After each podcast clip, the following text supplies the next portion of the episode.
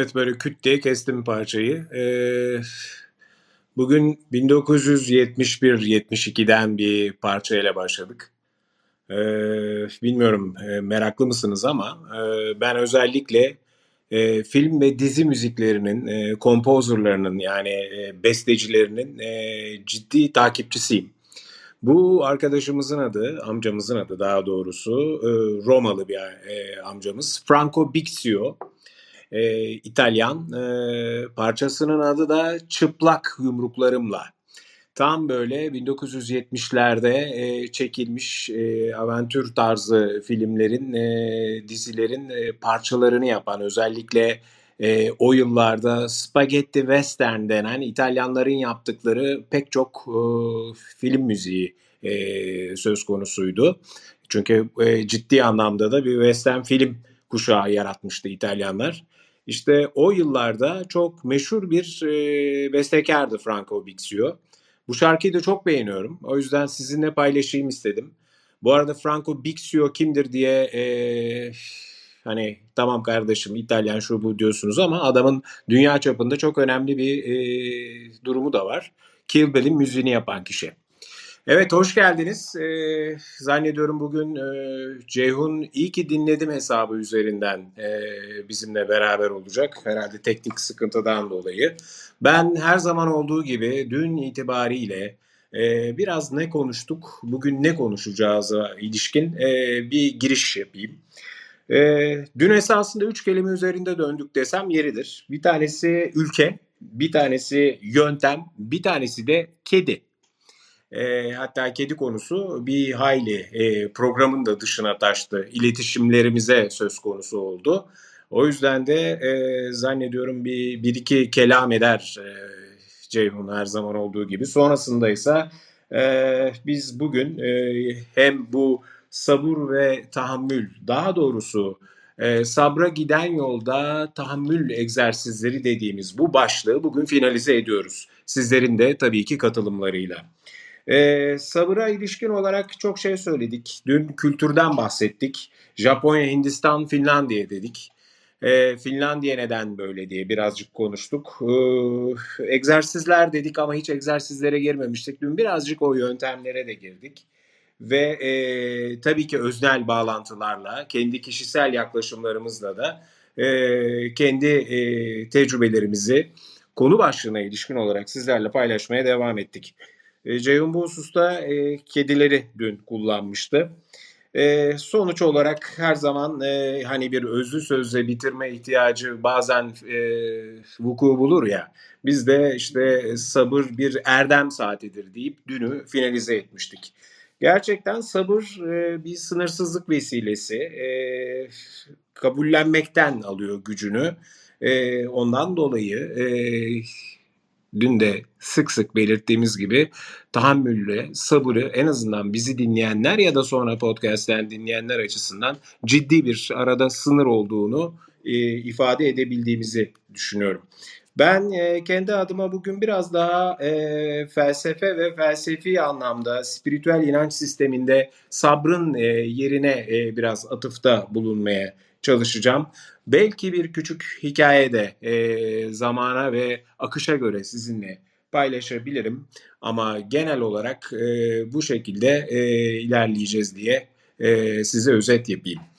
E, evet e, Ceyhun Ferruh da geldi. E, sana mikrofonu veriyorum Ceyhun. E, mikrofon sende.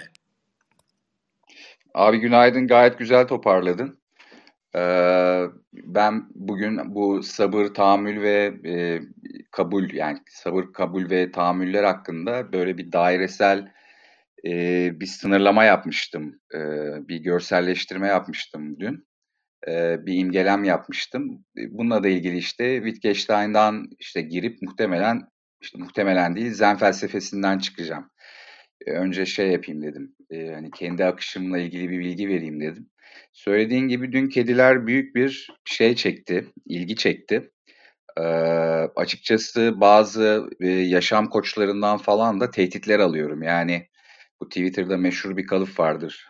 Araştırmana öneririm falan diye. Yani işte kediler mentor olamaz falan filan gibi. E, espri yapıyorum tabii ki. Ondan sonra pek çok insanın benimle aynı fikirde olması beni memnun etti. Yani ilham alınabilecek mentörler olduğu, bu önerdiğim kitapla ilgili bazen çünkü hani hızlı telaffuz oluyor, yanlış telaffuz oluyor, kitap ismi hemen not alınamıyor. Şey yapılmıştı, sorular sorulmuştu, onu da şey yaptım, paylaştım. Ben şeye gireyim, hemen konu konuya gireyim. Şimdi ben e, Wittgenstein'ın e, işte dünyanın ve anlamın sınırlarını dil e, kendi içindeki olanaklılıklarla e, belirler sözünü e, şey yaptım. E, bugün aslında biraz sloganım olarak seçtim. Zaten Zen'le bağlantısını da özellikle e, Zen e, pratiklerini ya da Zen felsefesini, Zen ritüellerini takip eden e, dinleyicilerimiz bu bağlantıyı kuracaklardır. E, ve Wittgenstein işte dünyanın olgulardan yani olan vuku buluğu şeylerden e, oluştuğunu e, hep hatırlatır. E, ve bizim de olguların e, tasarımını kurduğumuz bu tasarımlar da aslında gerçekliğin taslaklarıdır gibi bir şey var, e, bir yaklaşımı var. E, bu aslında e, benim bugüne kadar çok sık anlattığım bu tırnak içindeki e, tasarım e, konusunun biraz da e, hani felsefecilerin e, nasıl gördüğü ya da nasıl değerlendirdiğine ilişkin ipuçları da veriyor. Şimdi holistik e, biraz hani bugün zaten holistik bakış açısıyla bakacağımız için, ele alacağımız için konuları ben yani holistik, biraz spiritüel bir bakış açısıyla bugünkü şeyimi, masa önermemi işte bu şeyle sunmak istedim. Yani Wittgenstein'la sunmak istedim çünkü bazen böyle radikal pozitivistlerle, böyle çok radikal spiritüalistlerin falan e, pek çok konuda e, şeyi fikri çatışmalarına denk geliyorum ya da duyuyorum ya da içinde oluyorum. E, dolayısıyla e, ben her iki şeyin e, e, ne derler e, her iki bakış açısının her iki yaklaşımın e, aslında e, müthiş e, şeyleri olduğunu, benzeşlikleri olduğunu düşünüyorum. Yani bir pozitivist de baksanız, e, spiritüalist de baksanız aslında bazen aynı şeyi konuşuyoruz, aynı şeye çıkıyoruz. Farklı patikalardan aynı yollara çıkıyoruz. E, bir de bu tasarım kelimesinde hani ya Ceyhun işte bu tasarımı e, çok sık kullanıyorsun, biraz tekrara düşüyorsun gibi şeyler oluyor. E, yani bana yakın arkadaşlarımın e, işte podcastleri dinleyen yakın arkadaşlarımın dönüşleri oluyor. Onlara da şunu söylüyorum. Yani sabah kalktığında en ufak bir kasını yani hiç hareket etmeden de aslında bu e, şeyi e, hareket ya da eylemsellik e, günlüğünü tutabilir insan da yani en ufak bir kasını oynattığın böyle mikro, ultra mikro bir günlük tuttuğunda bunu iki gün tekrarladığında üçüncü gün e, yani bu günlükleri mesela insanların okumasını yani bir bakmanı bakmalarını şey yapıyorum, tavsiye ediyorum. E, ve verdiğim cevapta bu e, şeye bu tespite verdiğim cevapta şu oluyor. Yani hayat zaten böyle çok sık tekrarlarımızın deneme yanılma döngülerindeki e, sanki bir e, tasarım e, denemeleri manzumesi gibi e, bana geliyor. Dolayısıyla zaten hayatta e, kendini çok sık tekrar ediyor. Çok tekrara düşüyor. E, bunu da böyle bir not olarak düşmek istedim. Şimdi ben Wittgenstein'la ilgili aldığım küçük e, kısa notlarda e, yani o benim çok beğendiğim müthiş sözüne e, yine bir atıf yapayım. Dünyanın ve anlamın sınırlarını e, dil belirledik belirler dedikten sonra e, tabii ki biraz dil üzerine de bir iki kelam etmek lazım. İşte çok uzun bir süreçte bu gelişen diller, oluşan sözcükler, oluşturulan sözcükler, ihtiyaçlara karşılık gelen sözcükler, işte olgularla eşleşen bunların sözcüklerin anlamları, e, ne bileyim e, böyle eş anlamlı kelimelerle koşullu kullanım tercihleri, e, işte öznel deneyimlerimizin böyle çıktısı olan şeylerle, e, duygularla, bu duygulara bulanmış halleriyle e, ne derler işte böyle mikroya indikçe daha böyle fraktal e, alt kümeler oluşturmaları, e, bir takım e, böyle işte kalıp, e, kullanım e, kalıplarına, şablonlarına dönüşmeleri, e, mesela şey, dili çok e, kompleks bir yapı haline getiriyor. E, zaten bununla da ilgili semantik diye bir bilim var. E, bende biraz semantik şey var, e, çözümleme e, çözümleme şeyi, e, yaklaşımı da var. İşte sen de etimolojiden örnekler verdiğin zaman aslında e, bu dili oluşturan e, sözcüklerin e, ne kadar aslında e, tek başına yani bir sözcüğün ne kadar muazzam kültürlere, coğrafyalara e, iz düşümleri olduğunu görüyorsun. Mesela senin verdiğin dünkü örnek harikaydı. E, bir tarafta deniz var, bir tarafta umman var. Yani umman mesela bence şeydir. E, yani umman tek bir kelime olarak bir şiirdir. Yarattıkları çağrışımlarla. Mesela kalp diye bir kelime var. E, diğer bir taraftan da mesela gönül diye bir şey var. E, bir kelime var. Bunun mesela yani gönül tek başına bir şiirdir. Kelime olarak bir şiirdir. E, şimdi bunları e, ben bu dili, e, dili oluşturan sözcükleri, işte Wittgenstein'ın mesela bu dilin aslında dünyanın ve anlamın sınırlarını e, belirlediğini neden anlattım? Yani işte bu girişi mesela niye yaptım? Tabii ki Zen'i e, Zen'e bir hazırlık için yaptım. Yani e, işte bu 7. yüzyılda ortaya e, işte çıkmış işte kutsal metinler yerine e, kişisel aydınlanmaya böyle dayanan bir şey, bir yol e, yine kişisel gelişim, tırnak içinde kişisel gelişim bağlamındaki ben felsefesinden bahsediyorum. Yoksa hani Zen Budizminden bahsetmiyorum. Onlar biraz iç içe geçiyor gerçi ama e, yani işte böyle 7. yüzyılda ortaya çıkıyor. İşte Çin, Japonya, Orta Asya'da mesela müthiş hızlı bir şeyi var, yayılımı var, farklılaşan e, pratikleri var. E, tabii ki bunu hani bir saatte ya da hani benim söz hakkımın olduğu e, bir, bir zaman diliminde bunları böyle çok detaylı olarak anlatmak mümkün değil. Belki tamamen anlaşılması da e, mümkün değil. E, fakat e, günün sonunda e, şey e, ne derler e, işin özeti bu. Şimdi kişisel gelişim e, şeyinin yani bu kişisel gelişim e, min doğduğu pazar olarak kabul edilebilecek ABD'de yani Amerika, Amerika Birleşik Devletleri'nde Zen'in 80'lerde böyle işte bir araştırmama göre işte ana akım haline gelmesiyle birlikte şey oldu. Yani kişisel gelişimin aslında ana akımlarından bir tanesi ya da ilk öncül akımlarından bir tanesi bu Zen'in pratikleri oldu. Ben yine Wittgenstein'a şey yapacağım, ufak böyle bir atıf yapacağım. Yani olguların tasarımını insanların, bizlerin kurduğunu söyler. E, ve bu tasarımlar da işte gerçekliğin e, şeyidir, e, taslağıdır der. E, yani mealen.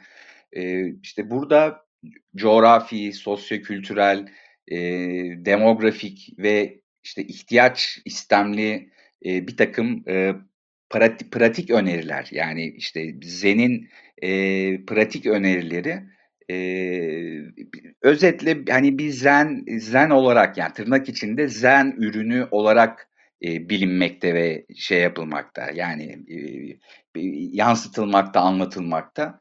E, bu şey gibi işte ne bileyim e, işte gidiyorsunuz e, bir tane do, doktor Ötker şey alıyorsunuz e, bir işte bir, bir işte suyla karıştırılan ya da sütle karıştırılan bir ürününü alıyorsunuz.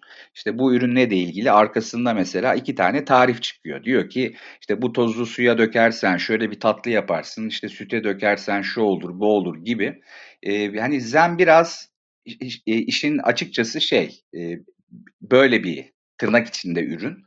E, o nedenle hani kendi yani Zen'in kendi bağlamı içinde e, bunu da özellikle vurgulamak istiyorum. Hani gurusu, ustası, uzmanı kesinlikle şey yoktur. E, böyle bir böyle bir şey yoktur. Hani e, ne derler? böyle böyle bir takım başlıkları yoktur. Yani kişi bazında. E, ve zen olmaya karar veren herhangi bir insan yani zazen e, pratiğinde yani oturup e, işte bir çömelip bağ, bağdaş grup Anadolu'da hani çömelmek denir. E, çömelip bu meditasyona oturduğu anda sizden bir dakika önce oturmuş e, bir zazen pozisyonunda oturan bir kişi sizin ilham alacağınız hocadır. Bak bakın bir dakika diyorum yani. Bir dakika önce oturmuş bir insan bu işin hocasıdır yani. Ee, yani özetle böyle hani 2-3 aylık bir yoga e, dersleri katılımcısı, talebesi olup işte ya ben yoga öğretmeni olayım, hani eğitmenlik için sertifika alayım işte bu sertifikadan sonra da işte en böyle en süper e, işte yogini ben olayım gibi bir şey yoktur bunun. Bu yolun böyle bir patikası yoktur yani. Dolayısıyla da e, bununla ilgili de mesela en süper zen yoktur. Öyle söyleyeyim. E, şimdi zazen'de söylediğim gibi çömelmek, Anadolu tabiriyle çömelmek şey, e, o kısım çok önemli. Yani herkes çömelebiliyor. Herkes meditasyon için e, yani şu anda bile bir deneme yapabiliyor. E, ve bununla da ilgili aslında önemli olan işte bu pozisyonlar da değildir. İşte arka planda Spotify'da acaba ben hangi çalma listesini çalayım de konu değildir. E, yani ayrıca çok uzun süre meditasyon yapmanız da e, ve e, şey değildir. Yani ya ben bir oturuyorum 8 saat abi meditasyon yapıyorum. Mesela konu bu da değildir. Önemli olan çok özür dilerim. Yaptığınız meditasyonun neticesini ne zaman alabildiğiniz önemlidir. Yani sizin aslında rütbenizi e, tabii ki kendinizle mukayese etmek için e, şey belirler. E, ne kadar zamanda neticeye alıyorsunuz? Yani ve netice de hemen alınmaz. Alabilmek için de zazen bağımlısı olmak da zenin kendi içindeki ruhuna kesinlikle aykırıdır. Yani bu nedenle işte böyle bir e, işte kitap, söz, metot, usta, guru e, kontrolü altında olmadan bu yolculuğa herkes yalnız başlar. Tabii ki bir kitaptan, tabii ki bir işte Instagram alıntısından, tabii ki bir filmden, tabii ki ne bileyim bir bir insandan şey yapabilirsiniz, ilham alabilirsiniz. E, fakat bu iş yalnız başlar ve yalnız ölür. Yani yalnız biter. Tıpkı bizim yalnız doğup, yani bir aileye doğuyoruz hepimiz. Bazen devlete doğuyoruz kimsemiz olmadığında ama ve yalnız ölüyoruz. Dolayısıyla bu iş yalnız başlar ve yalnız biter. İnsanın kendi öyküsü gibi. Yani sevgilinize, eşinize, arkadaşınıza ya ay şekerim yani yap çok güzel, çok değişik bir şey gibi böyle ısrarlar, tavsiyeler vesairelerde anlamsızdır ve bu biraz egosal beraberinde şeyi getirir. E, bir takım böyle e, mukayeseleri, e, bir takım yarışları getirir. E, özetle zen bu değildir. Yani bu, bunları ben bilenler için söylemiyorum. İlk defa duyabilecek ya da işte daha önce işte duy, duy, duyup da e, ya bu zen ne falan gibi e, kafasında soru oluşabilecek insanlara biraz da e, tam böyle tüketici rehberi e, şeyiyle yaklaşımıyla zenin ne olmadığını da söylemek istiyorum. Ne olduğu kadar. Eee, şimdi biz, eee, tabii ki, eee, işte geçmiş, eee, şeylerimiz var. Hani geçmişte bir takım deneyimlerimiz var. Herkes kadar. Eee, ve bu geçmiş deneyimlerin içinden de i iyi ki dinledim de konuşmaya, eee, işte bir başlık atıyoruz. Bu başlığı bildiklerimizden değil, aslında biraz rastgele atıyoruz, random atıyoruz. Tabii ki biliyoruz kişisel gelişimde insanlar ne dinlemek istiyorlar, kişisel gelişim külliyatının içinde ne var, insanlar genel olarak neyi dinliyor, neyi konuşuyor bunları biliyoruz. Fakat biz özellikle random atıyoruz. Ee, bu konuda da biraz yayın yönetmenimiz Ümit, biraz dergi gibi çalışıyoruz biz. Ondan sonra bir kolektif olarak, dergi olarak çalışıyoruz. Ee, Ümit şimdi e, işte dün e, dünkü konuşmadan sonra ben dedim ki ya ben de gençtim. Ee, ya mesela işte 18 yaşı falan civarında, daha doğrusu 19'da şeyde takılıyordum ben. E, Ortaköy'de takılıyordum. Rockçıydım. İşte saçlarım uzundu. Parkayla falan geziyordum. İşte zaman zaman içime kaçmış o devrimci solcu abi e, gibi işte böyle slogan falan atıyorum. Ve ara sıra böyle bir geliyor gidiyor benim kafada bazı konularda tetikliyor beni ondan sonra. E, ve o yıllarda işte Cihangir daha işte meşhur olmadan bu kafeler falan açılmadan önce şeydim. E, takıldığım mesela böyle hippie komünleri vardı. Yani tam olarak hippie komünü değildi ama işte bize ya hippiler ya bunlar falan diyorlardı. E, ve bunlar mesela 2-3 tane ev vardı benim girip çıktığım. E, ve işin komik tarafı E, kimsede anahtar yoktu çünkü evde mutlaka birisi oluyordu. Yani en sevdiğim hayatımdaki dönemdir yani. Kapıyı çalarsın, kapı açılır. Hani kimsin, kimin arkadaşısın, ondan sonra niye geldin falan gibi bir şey olmaz, e, soru olmaz. O dönemde RFID daha henüz icat edilmemişti ama hani bizim saçımız, tipimiz, işte merhabalaşma ritüellerimiz, üstümüz falan, kıyafetlerimiz yani bu dress code denebilecek şeyler zaten kapıyı açan şey oydu yani ondan sonra ve o dönemde ben bir sevgilim olduğunu hatırladım. Yani ben böyle geçmiş bazen bende şey oluyor. E, zor hatırlıyorum. E, ve şey yapıyordu. Yani Zen pratiği, Zen Budistiydi aslında. Hatta şeye de gitmişti. E, işte böyle işte Çin Min falan işte Asya falan şey ne çıkmıştı? E, bir bir geziye falan çıkmıştı. İşte tren, miren falan filan bir sürü deneyim yaşamış bir kızdı. Ondan sonra ve ben açıkçası biraz ondan ilham aldım. E, o bana çok da konuşmadı, çok anlatmadı ama ana fikri tabii ki e, şey yaptım. E, ne derler? E, yakaladım. E, dolayısıyla biraz böyle geçmişe de giderek ondan sonra şey yapıyorum. E, hani bu zen konusuna biraz da oraya öykünerek e, bu e, konuşmayı e, ve neticeleri aslında e, notunu çıkartmaya çalıştım. E, Şöyle söyleyeyim, ben çok açık söyleyeyim, ben şu an mesela şey yapmıyorum, hani zazen e, pozisyonunda oturmuyorum. Meditasyonu e, böyle klasik anlamda yapmıyorum. Mesela uykuma, uykuya dalmadan meditasyonu tercih ediyorum. Bazen gün içinde şey yapıyorum, e, bu meditasyonu gözlerim açık, bilincim yerinde, hatta bir iş yaparken dahi bu meditasyon pratiğini yapabilir hale geldim. Bu ustalıktan değil, e, içinde bulunduğum koşulların belki zorlamasından dolayı ondan sonra e, ve bunun açıkçası sabır, kabul ve tahammül konusunda hakikaten e, gerçekten işe yarayan bir şey olduğunu, e, pratik olduğunu e, ne derler ben zaten pratiğini yaşadığım için e, bir de altını çizmek ihtiyacı duymamışım açıkçası. Öyle bir farkındalıktayım. E, bunu mesela şey yapmak istedim fakat çok önemli bir ben şeyi hatırladım. E, bu zen pratiği yapılırken bir bir bir yaklaşımı hatırladım. Bu yaklaşım da şu.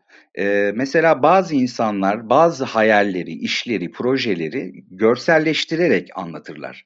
İşte romancı gibi. Ve o kadar fazla böyle detay da içerir ki ben mesela e, işte romancılar arasında yani yazıyla bir kokuyu duyumsatabilen, e, ne bileyim bir rüzgarın esintisini duyumsatabilen, yani benim işte duyularımın tümünü e, tetikleyebilen mesela e, şeyleri, yazarları çok severim.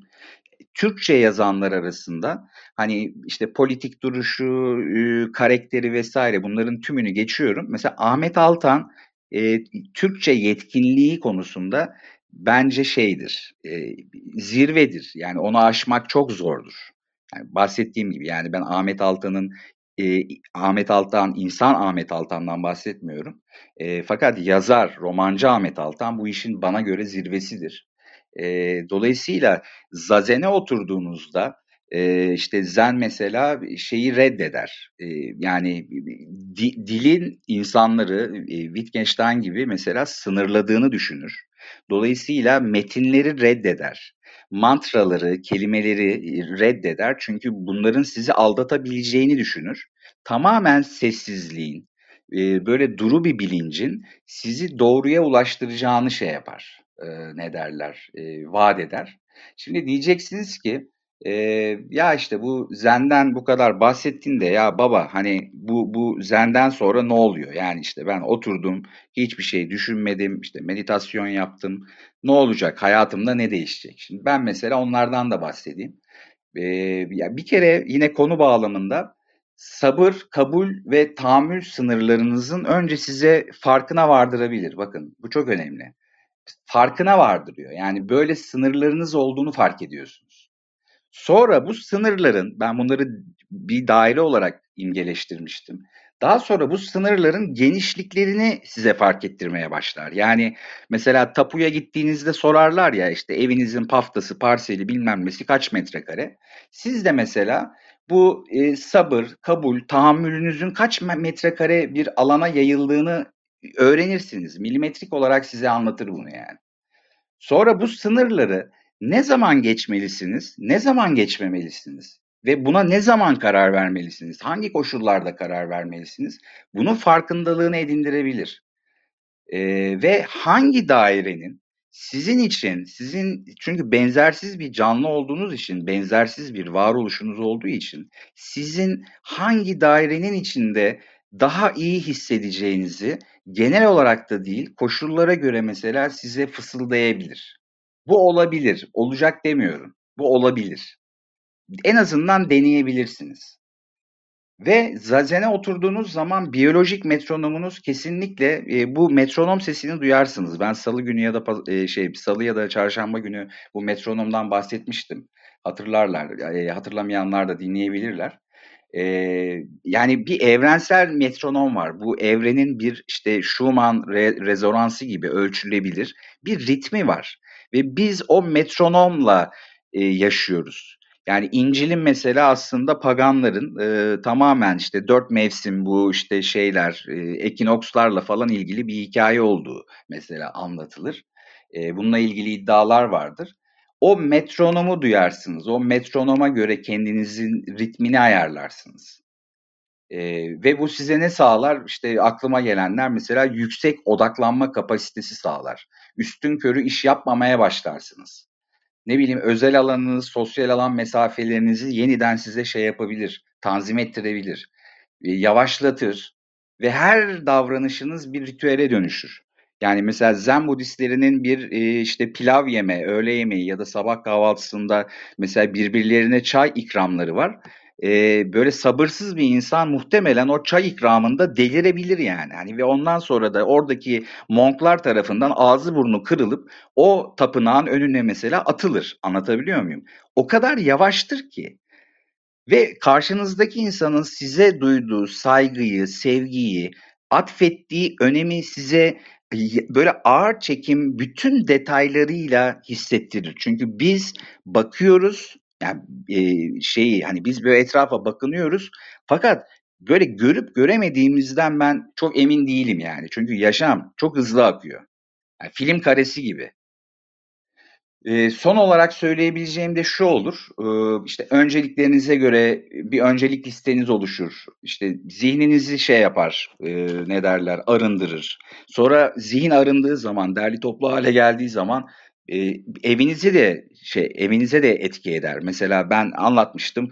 E, ben evimdeki pek çok eşyayı işte bu Afgan, Mafgan falan eski eşimin bahçıvanı bir şey var. Bir çocuk var. İşte 9 kişi yaşıyorlar. E, bunlar bir kısmı Afgan, Türkmen falan ve çok iyi çocuklar. E, ondan sonra ve kaçak değiller yani işte bir şekilde yasal oturma izinleri falan var ondan sonra. Mesela ben bütün eşyalarımı onlara verip yeni alışveriş yaptım ve çok minimalist bir şeye geçtim ev dekorasyonuna geçtim. Evim Japon evi gibi yani. Anlatabiliyor muyum? Ee, ve, ve en en önemlisi yine ben e, yayın yönetmenimiz Ümit bizden hep şey istiyor. E, arkadaşlar hani özellikle ben çok karamsarım bazı konularda. Ya mutlu son, mutlu son yani mutlu son olsun falan. Yani daha böyle pozitif olalım diye e, şey yapıyor. Beni açıkçası biraz yüreklendiriyor ondan sonra. E, dolayısıyla e, eşiniz, dostunuz, akrabanız, kocanız, ne bileyim işte e, karınız e, bunlarla olan sizin iletişiminizi hakikaten şey yapar. Bambaşka bir hale getirir. Ve şunu da eklemek istiyorum. Bu işin alameti farikası zazen zen değil. Yani ben mesela namaza başlamış bir arkadaşım var e, namaza başladıktan sonra zen gibi yaşıyor. Yani diyorum ki oğlum diyorum hani hakikaten diyorum hani ben yani namaz kılan pek çok tabii ki akrabam var, tanıdığım insanlar var. Hani hakikaten diyorum oğlum namaz kılıp da diyorum zen olan diyorum tanıdığım tek adam sensin yani. Hani çünkü etrafta görülen e, tırnak içindeki e, Müslüman e, örnekler mesela senin gibi değil diyorum. Bana denk gelmiyor. Eminim vardır yani. Zaten İslam'ın amacı bu, mesajı bu yani ama sen diyorum hakikaten şeysin diyorum. Tarif edilen Müslüman, tarif edilen diyorum zensin diyorum. O da dalga geçiyorsun herhalde diyor falan. Öyle de bir şeyimiz var yani. Hani böyle bir sorunum var. İltifat yaptığımda da dalga mı geçiyorsun falan diyen çok oluyor. Ee, sözlerimi böyle bitireyim. Ee, ve en önemlisi de lütfen e, çalıştığınız iş yerinin, birlikte olduğunuz e, farkındalığı düşük partnerinizin, e, ne bileyim e, işte seçtiğiniz mesleğin ya da işte bu ülkenin mesela böyle bir kendi ritmi var. Bu ritmi benimsemeyin. uyum sağlamak, para kazanmak falan için tamam belli bir noktada tolere edebilirsiniz. Bu ritimle günlük yani günlük çalışma hayatınızda yaşayabilirsiniz. Fakat özel yaşamınıza geçtiğinizde, size ait olan zamana geçtiğinizde lütfen o ritme göre şey yapmayın, dans etmeyin. Kendi dansınızı geliştirin. Ve yine son sözümü de slogan atarak içimdeki solcu abiyle şey yapacağım, bitireceğim. Kediler zendir. evet yani kediye bağlayınca zaten düne de bağlamış oldun. Bilmiyorum devamı gelir mi? Ee, buna reaksiyon alır mısın? Ee, ama çok teşekkür ederim. Ee, dünyanın anlamını ve sınırlarını dil belirler e, aktarımını yaptığın zaman tam da kelimenin e, anlamı o gerçekten. Hani baktığında biz burada e, işte salı, çarşamba, perşembe odayı açıp e, işte e, zahmet edip e, lütuf gösterip bizi dinleyenlere e, bildiklerimizi o başlık üzerinden e, ve yorumlarımızı, tecrübelerimizi aktarıyoruz. Dolayısıyla aktarırken kullandığımız dil de bizim üslubumuzu, sınırlarımızı, neye saygı duyup neye saygı duymadığımızı, hayatı nasıl ele aldığımızı gösteriyor. E, elbette kişisel gelişim diyoruz, e, bir sürü şeyden bahsediyoruz. Mesela e, konuşmanın başında dedin ki kişisel gelişim marketinin e, doğduğu e, yer yani bu pazarın doğduğu yer Amerika Birleşik Devletleri. Ama kişisel gelişimin kültür haline gelmesi, bir toplumsal realite olması ve e, gündelik hayat içerisinde yaşanıyor olması binlerce yıldır Doğu ve Uzak Doğu'da e, olan bir gerçek. Dolayısıyla da e, bir şeyi e, metalaştırmak yani bir ticari e, konu haline getirebilmek zaten e, Batı dünyasının e, özellikle kapitalist sistemin e, pik yaptığı Amerika Birleşik Devletleri'nde e, bunu görüyoruz. Ama son yıllarda e, bunun ikisinin bir araya getirilmesiyle ilgili çok ciddi e, yolda kat edildiği görülüyor. Yani ne o ne o hem o hem o durumu. E, Zanda şey e, Zenden ve Zazen'den bahsettin bol miktarda. E, zaten konuşmanın tam da ortasında e, Zen'in ne olmadığını da anlatmak vardı.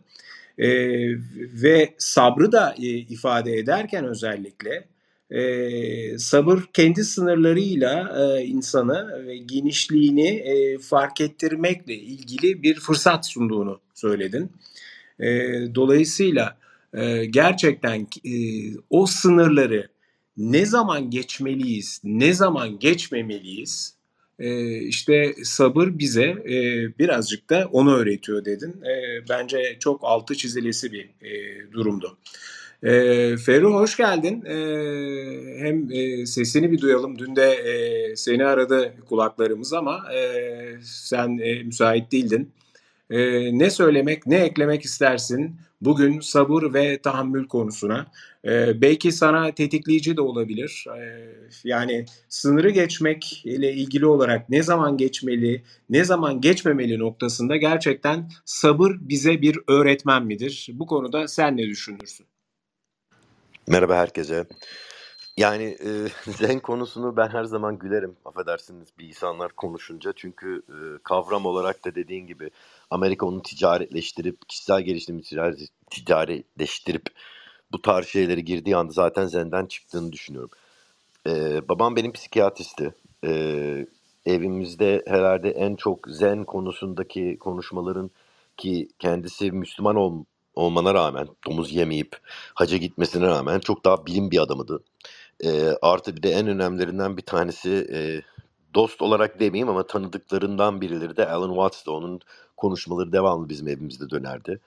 Hatta en büyük zen konuşmalarından yapanlardan da bir tanesi. Ben zenle çok erken, çok genç yaşta tanıştım.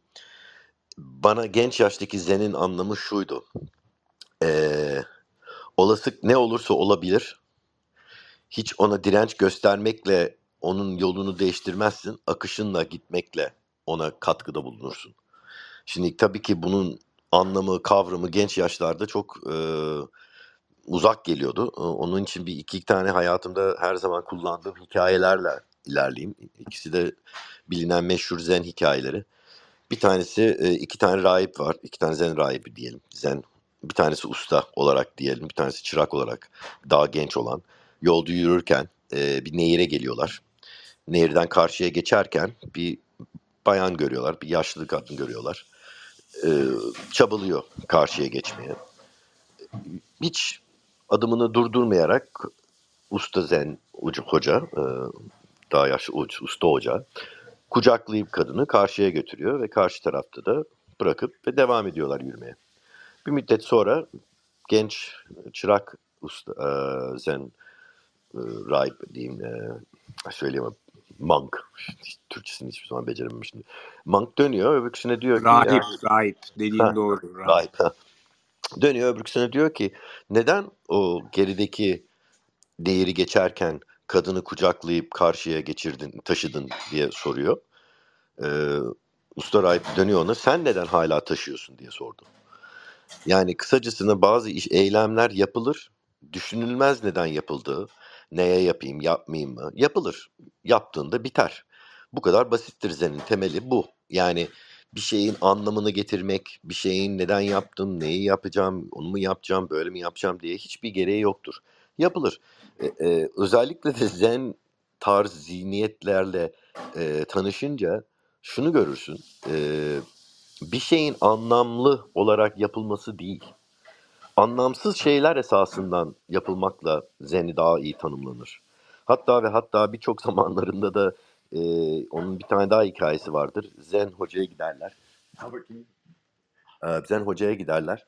Orada da sorarlar işte hocam işte ben hazırım her türlü dağa çıkmayı, her türlü denizleri, okyanusları karşıya çıkmayı, ne yapmam gerekirse her türlü şeyi yaparım. Yeter ki ben bir e, aydınlığa kavuşayım.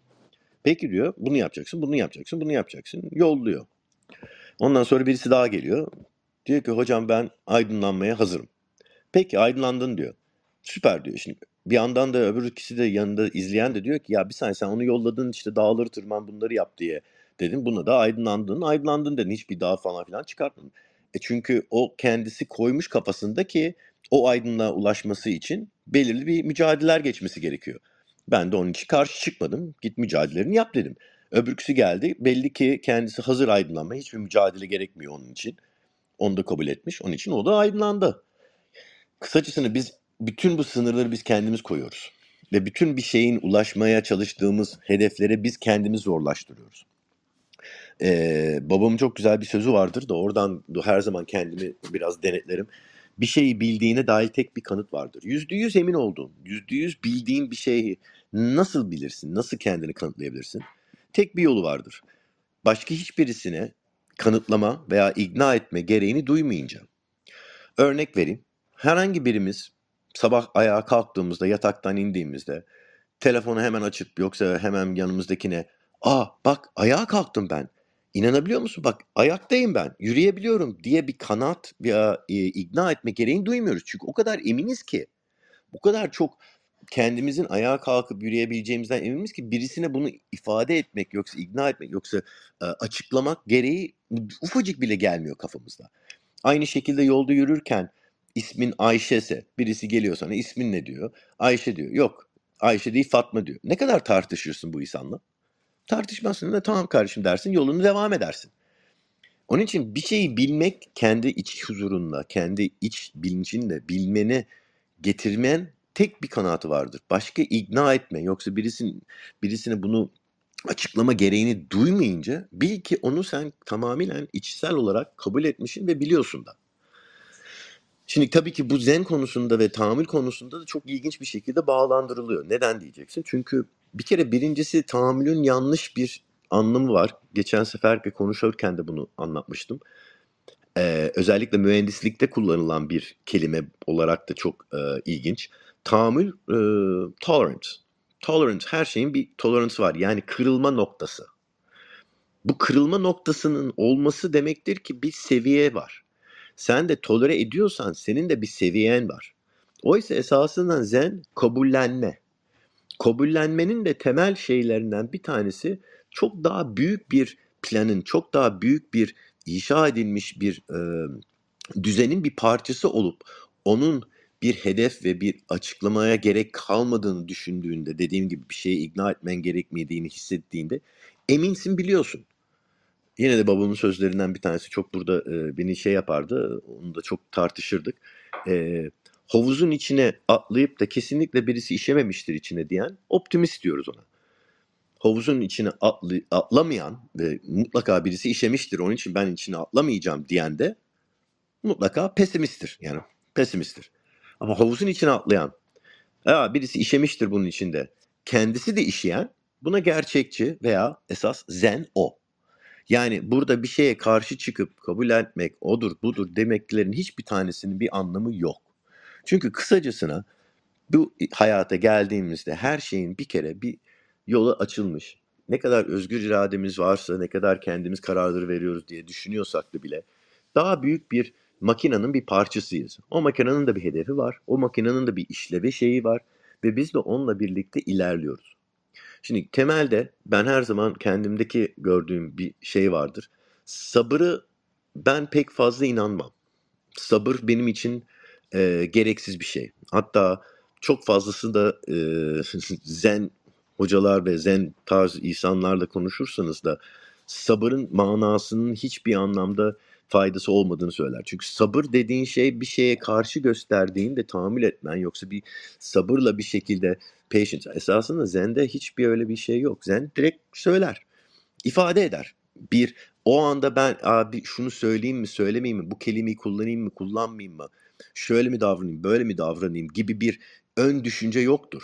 Hareket vardır. Yani kısacasına bana sorarsınız Zen'in ve bu tahammül ve sabırın içindeki getirdiği temel şey şu. Hiç tahammül etmeyip, hiç sabır etmeyip eyleme direkt geçmektir esasında.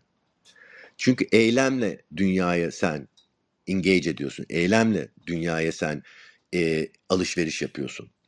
Çok fazla düşünüp hareketin böyle olsun, şöyle olsun, şunu olsun. E, buradaki arkadaşlar da bilir Ceyhun'da. E, Ümit de çok iyi bilir. Ben de bir böyle bir düşünüp ben direkt çat söylerim. Hiç şeyimi de yapmam. Ha hata da olabilir. Hatayı da kabul ederim hatasa. Hatanın üzerinde de ilerlerim ama hata olabilecek diye bir şeyi tekrar üstünden düşünmektense direkt eyleme geçmeyi tercih ederim. Çünkü bu şekilde öğreniyorsun. Bu şekilde ilerliyorsun. Bir zen hikayesi daha var. Ee, çok da bilinir. Bir zen rahibi e, ormanda yaşarken bir kraliyet ona gidiyor. E, tanışıyorlar. Bir prenses var. Prenses ona aşık oluyor. E, prenses pardon çok affedersiniz yanlış anlattım. Prenses ve bir e, prenses gidiyor bir başka birisine aşık oluyor ve çocuğu oluyor. Kraliyet ailesi de bu çocuğu kabul etmediği için gidiyorlar rahibe diyorlar ki bu çocuğu sizle bırakacağız diyorlar. E, peki nasıl istersen yani let it so Is that so diyor yani kısacası. Tamam peki nasıl olursa. Çocuğu onunla bırakıyor. Çocuğu yetiştiriyor bayağı bir şekilde. Ondan sonra prenses tabii ki bayağı üzülüyor. İşte çocuğumu geri istiyorum vesaire diyorlar. Gidiyorlar çocuğu e, rahipten geri alacaklar. Peki okey diyorlar ama sen hiç çocuğu geremeyeceksin diyorlar. Peki okey diyor çocuk rahip de. Yani bu çok basit ve hiçbir anlamı verilmeyecek bir şey ama Buradaki görürseniz rahibin hiçbir şekilde hiçbir şeye direnç göstermedi. Peki okey dedi. Çocuğu da aldı. Yetiştirdi çocuğu. Çocuk alınınca elinden peki okey dedi. Bir şeyde ona direnç göstermedi.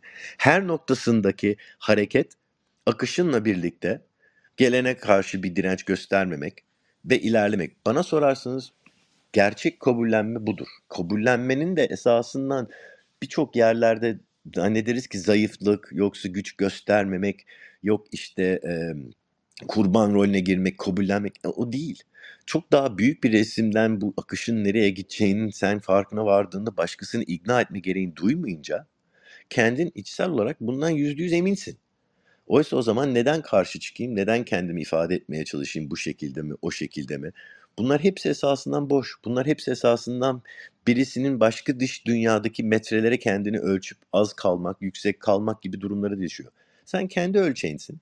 Kendi ölçeğine göre de yüzde yüzsen zaten başka bir ölçeklerin hiçbir tanesinin sana bir anlamı da değeri de yok. Bu şekilde ilerlemek tabii ki e, hemen olacak da bir şey değil. Bana sorarsınız bundaki ilk adımlardan bir tanesi bir kere kişisel gelişim olarak adında da hiçbir zaman sevmiyorum bunu kullanmayı ama en temellerinden bir tanesi kendi ölçeklerini belirlemek. Kendi sınırlarını belirlemek. Sınırlarından da kastettiğim tercihler diyeyim daha doğrusu. Tercihlerle, isteklerle belirlediğinde bunlara sen hiçbir imtiyaz veya hiçbir e, azlığını göstermediğinde bir tık zen yoluna hareket etmiş oluyorsun. Ondan sonra da ne olursa olsun dış dünyada işte Aa, ben bunu şimdi böyle giyinirsem dışlanırım işte şunu söylersem bunu olur şu olur. Tamam olabilir ama buradaki soru şu. Bunlara karşı çıkmak için mi bunu yapıyorsun? Bir ifade etmek için mi? Buna bir haksızlık veya ben doğruyum yoksa böyle bir şey olmaması için mi ifade ediyorsun? Yoksa gerçekten bu senin tercihin olduğu için mi? Ben kendim yoldan çıktığımda benim kendi tercihlerim üzerine ilerliyorum. Yoksa dışarıdakilerine bir şey ispatlamak yoksa bir haksızlığa bir güç göstermek için değil. Kanun beni İsa'nı öldürtmeme engellemiyor. Ben İsa'nı öldürmek istemediğim için öldürmüyorum. Ben hırsızlık yapmıyorum çünkü kanuna aykırı diye değil. Ben hırsızlık içimden gelmiyor diye yapmıyorum. Bunlar hepsi benim kendi kanunlarım. Dış kanunlar beni yönlendirmiyor ve onların içinde sınırlanmış değilim. Oysa bunun da affedersin temel noktasında da şu. Elbette hepimizin farklı akışları, yanlış yaklaşımları var. Birisinin eylemi sana senin sınırını veya senin tahammülünü geçebilir. İfade senin o sınırınsa ama sadece ona karşı çıkmak gereğini duyduğun için yoksa etrafındakiler bunu yanlış gördüğü için yoksa dış etkinler sana bunu yapman gerektiğini diye düşünüyorsan o zaman bir kuklasın. Kukla olmaktan kurtarıyor esasından zen bir insanı. Tamamen kendi ortamında, kendi dünyanındaki isteklerinin karşılığına getirmesini sağlıyor. Ve çünkü doğru ve yanlış da yok. Bunu anlamak da çok esasından seneler alıyor ama bunu sürekli yaparak, hareket ederek, bunun üzerinde eylemlerle, bunun üzerindeki düşüncelerle bir noktaya geliyorsun ki hayatında neredeysen oradasın. Geçmiş ve gelmişi o anın hepsi o anda birlikte. O yüzden ne yaparsan yap Zen'in an meselesiyle yaşamak, eyleme geçmek ve kendin içindeki dış etkinlerle etkilenmemiş bir halle ifadesini o şekilde aktarmak. En çok şeylerden bir tanesi de esasından birçok güzel şeylerin arasında bilinir. Zen rahipler, Zen takip eden eskiden daha fazla tabii ki şimdiliktense belli olmuyordu hareketleri. Her an bir şekilde fevri davranabiliyorlardı. Çünkü onları tutan bir şey yoktu. Kralın önünde gidip çıplak çıkabiliyordu. Ee, kimono giyip birisine ateş istediğinde kömür veriyordu. Yani inanılmaz derecede bizi sarsan davranışlar. Şimdi bunlar özellikle sarsmak için değil de bunlar o hocanın, o zen kişinin kimse kafasındaki o an Aa, belki şu anda çıplak olmak hoşuma gider diye deyip soyunmaktı. Zen esasından temelinde bir kişiye ait olan her şeysinle birlikte identity'yi dış dünyayı yani kişiliğini, kimliğini dış dünyayı kanıtlamak gereğini duymamakla geliyor. Çok teşekkürler. Ee, oldukça e, sert örneklerdi belki. Özellikle bence son verdiğin örnek de öyleydi. Yani bir Zen rahibinin e, kimonosuz belli ki Japonya'da e, kendi e, shogununa e, çıplak çıkıyor olması. Şöyle aklımda canlandırdığım zaman e, bir önce verdiğin havuza işeme e, örneği kadar e, radikal olduğunu düşünüyorum. Ama bu tür örnekler e, belki de anlamayı da kolaylaştırıyor. Çünkü öteki türlü e, kendi dekoruna uygun zaten alışkanlıklarımız var. İşte e, chat odasında da görüyorum mesela çay hikayesi. Madem uzak doğu e, felsefesinden bahsediyoruz. Dekor da buna uygun olsun diye. Ama verdiğin bu e, çıplak e, örneği e, bir kimonosuz bir e, zen rahibinin çıplaklığıyla özellikle e, havuza işemekle ilgili durum esas e, şeyi çok iyi anlatıyor bence. İçini çok iyi anlatıyor. Çünkü e, eyleme geçmekten bahsettin. E, Zen'i anlatırken esasında e, Zen Budizmini daha doğrusu çünkü bir Budizm bir de Zen Budizmi de var. Zen Budizmi ve Zen felsefesini ki bunlar da kendi aralarında ayrılıyor. E, bakıldığı zaman e, bazı eylemler yapılır, e, bir şeye bağlanmaz dedin. E, aynen öyle. E, gerçekten de bir uygulama ya da meditasyon yapıldığında işte niye yaparsın zen şeyinde, öğretisinde? İşte zihni gevezelikten kurtarmak için yaparsın. Ama çok önemli bir kısım var ki bağlanmadan, yargılamadan yapmak. Yani o, kritersizlik, o bağlantısızlıkla hareket etmek, akışa geçmek zendir diye de e, özetlediğini düşünüyorum. Ve e, en önemli şeylerden bir tanesi de cümlelerden bir tanesi de zen bir an meselesidir dedin. E, hakikaten e, bence çok e, yani biraz böyle hafif derin düşününce tam da 12'den vurduğunu düşünüyorum. E, zeni anlatıyor olmakla ilgili. Ee, evet arkadaşlar e, yavaş yavaş e, bugünün ve sabır ve tahammülle ilgili 3 e, gündür yaptığımız yayının sonuna gelirken ben de kendi cebimdekileri birazcık size dökmek isterim. Yani zen ve zazeni anlatarak bir kere Ceyhun bir kapıyı açtı. Ferruh da e, kontra örneklerle konunun anlaşılmasına bence büyük bir e, katkı yaptı. E, ben de biraz e, bu uzak doğu kökenli e, konularda, e, spiritüel yaklaşımlarda, felsefelerde, inanç sistemlerinde azıcık da sabra e, dokunarak e, ne anlatıldığını e, kendimce özetleyip e, günü bitirmek isterim. Ee, evet gerçekten öyle yani Zen e, Budizmi dediğimiz zaman ya da Zen'den bahsettiğimiz zaman esasında e, bir zihni e, o gevezelikten kurtarmak, biraz bağlantısızlık, kritersizlik, ölçüsüzlük yoluna girmek ve o anlamda yargılamadan bir iç huzuru yaşayabilmekle ilgili olarak e, sürekli bir zihin meditasyonundan da e, bahsediyor hale geliyoruz. Ee, ben benim de bu arada e, kendi e, işte Ceyhun'un ifadesiyle öznel e, meditasyon anlayışı nedir ne değildir. İlk ilkokul 2'de filandım herhalde. meditasyon yapan biriyle karşılaştım. Yaşım 55 ve diyorum ki size ben ilkokul 2'deyken meditasyon yapan biriyle karşılaştım. Karşılaştığım kişi annemin teyzesiydi. Ee, annemin teyzesi e, işte 70'li yılların e, ortalarına doğru e, göğüs kanseri olduğunu e, tespit ediyorlar ve işte e, bir ameliyatla e, göğsünün biri alındı. Sonrasında da oldukça enteresan da bir e, kişilikte.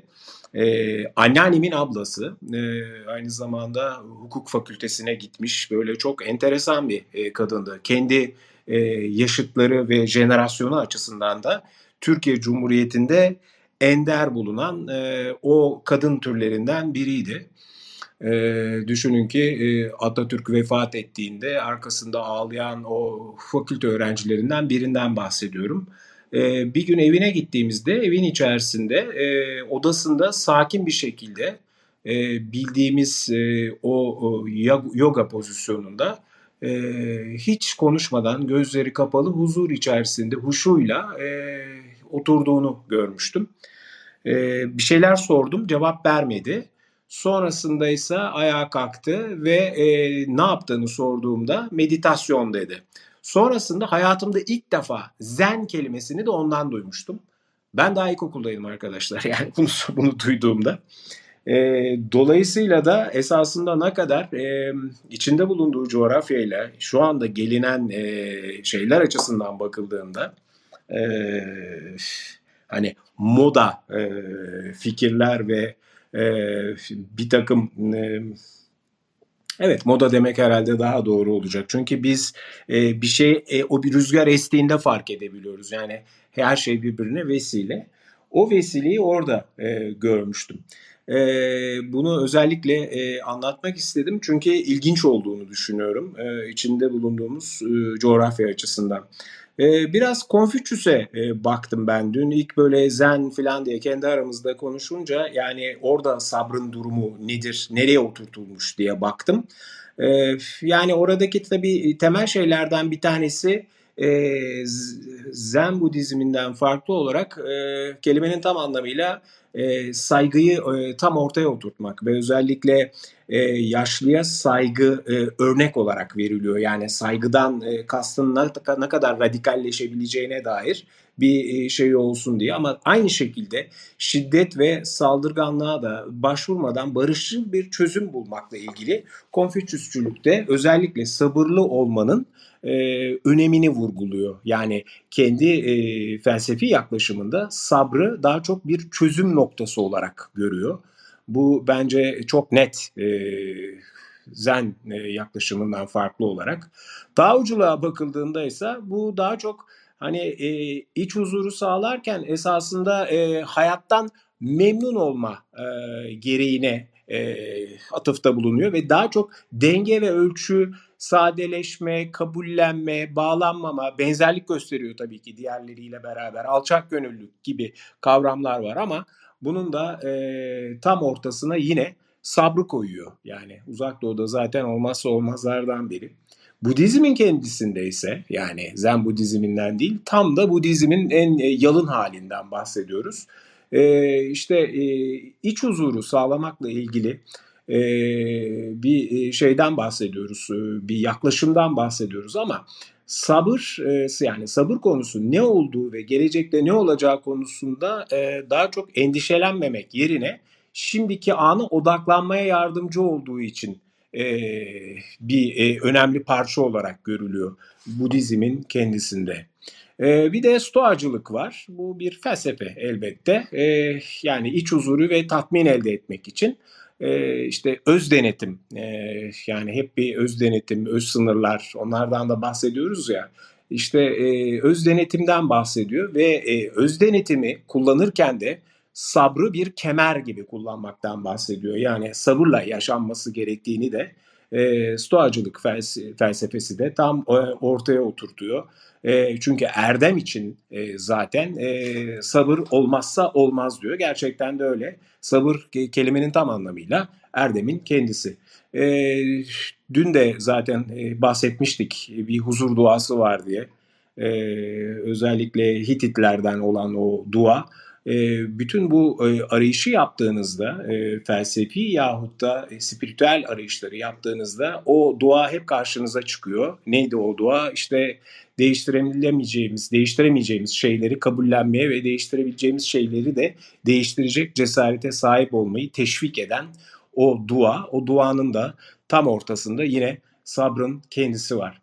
Kısacası arkadaşlar altın kural e, insanların e, başkalarına kendilerine davranılmasını istediği gibi davranmaya teşvik etmek e, ilgili e, bir kural bu ve e, zor olsa bile başkalarına karşı sabırlı ve anlayışlı olmayı hatırlatıyor. Bunu da bir hikayeyle e, bağlayıp e, finalize etmek istiyorum. Neden bahsediyorum sabır derken? E, bir kısa hikayeyle izninize e, e, sığınarak e, bunu okuyup e, odayı da tamamlayayım. 80'ine merdiven dayamış e, yaşlı baba onu ziyarete gelen 45 yaşlarındaki saygın bir işi olan oğlunu salona alır beraber otururlar. Hal hatır çoluk çocuktan sonra havadan sudan sohbet ettikten sonra ee, oğlu susmuş ve ayrılmanın sinyalini vermiş. 80'ine merdiven dayamış babaya. O anda üzerinde oturdukları sedirin yanındaki pencerenin pervazına bir karga konmuş. Yaşlı baba kargaya gülümseyerek biraz baktıktan sonra oğluna dönmüş ve demiş ki bu ne oğlum? E, 45'lerindeki oğlu cevap vermiş. O bir karga baba. Yaşlı baba kargaya bir daha bakmış yine sormuş. Bu ne oğlum? Yine aynı cevabı vermiş. E, baba o bir karga. Karga hala pervazda komik hareketlerle sağa sola başını çevirirken ee, baba üçüncü defa sormuş bu ne diye. Oğlunun şaşkınlığını sabırsızlığına ee, çeviren o an için ee, oğlan demiş ki o bir karga baba üç oldu soruyorsun ama beni işitmiyorsun herhalde. Yaşlı baba dördüncü defa aynı soruyu sorunca artık oğlunun sabrı taşmış, sesini yükseltmiş. Baba demiş ne yapıyorsun Allah aşkına? Tam dört defadır onun ne olduğunu soruyorsun. Sana cevap veriyorum. Sen hala sormaya devam ediyorsun. Sabrımı mı deniyorsun? Babası yüzünde hala bir gülümsemeyle yerinden kalkmış ve içeri odaya gitmiş. Elinde bir defterle dönmüş, bir hatıra defteri. Oturmuş sayfaları karıştırmış ve aradığını bulmuş. Sonra da gülümseyerek demiş ki e, defterini açıp oğluna uzatarak ve e, oğlum demiş lütfen şu bölümünü okur musun defterin? Bugün 3 yaşındaki minik yavrumla sedirde otururken yanı başımdaki pencerenin pervazına bir karga kondu. Oğlum tam saydım 23 defa onun ne olduğunu sordu. 23 soruşunda ona sevgi, sevgiyle sarılarak onun bir karga olduğunu söyledim. Rahatsız mı oldum? Hayır. Sorunun tekrarındaki masumiyet içimi sadece sevgiyle doldurmuştu. Bugünlük mesajımız bu kadar olsun. Bizi dinleyen herkese, bütün dinleyicilerimize çok teşekkür ediyorum. Ee, her zaman olduğu gibi moderatör arkadaşlarımıza da e, Ceyhun ve Ferruh'a da çok teşekkür ediyorum. E, üç günlük e, toplam bu yaptığımız yayını e, her zaman olduğu gibi podcast olarak Spotify, Apple ve e, Google podcastlerde dinleyebilirsiniz. Öğleden sonra içerisinde Clubhouse'dan da yine bizim odamıza bağlanıp e, dinleyebilme imkanınız kayıttan var. Eh ne diyelim haftaya yeniden e, salı, çarşamba, perşembe görüşmek üzere. Hoşça kalın, sevgiyle kalın.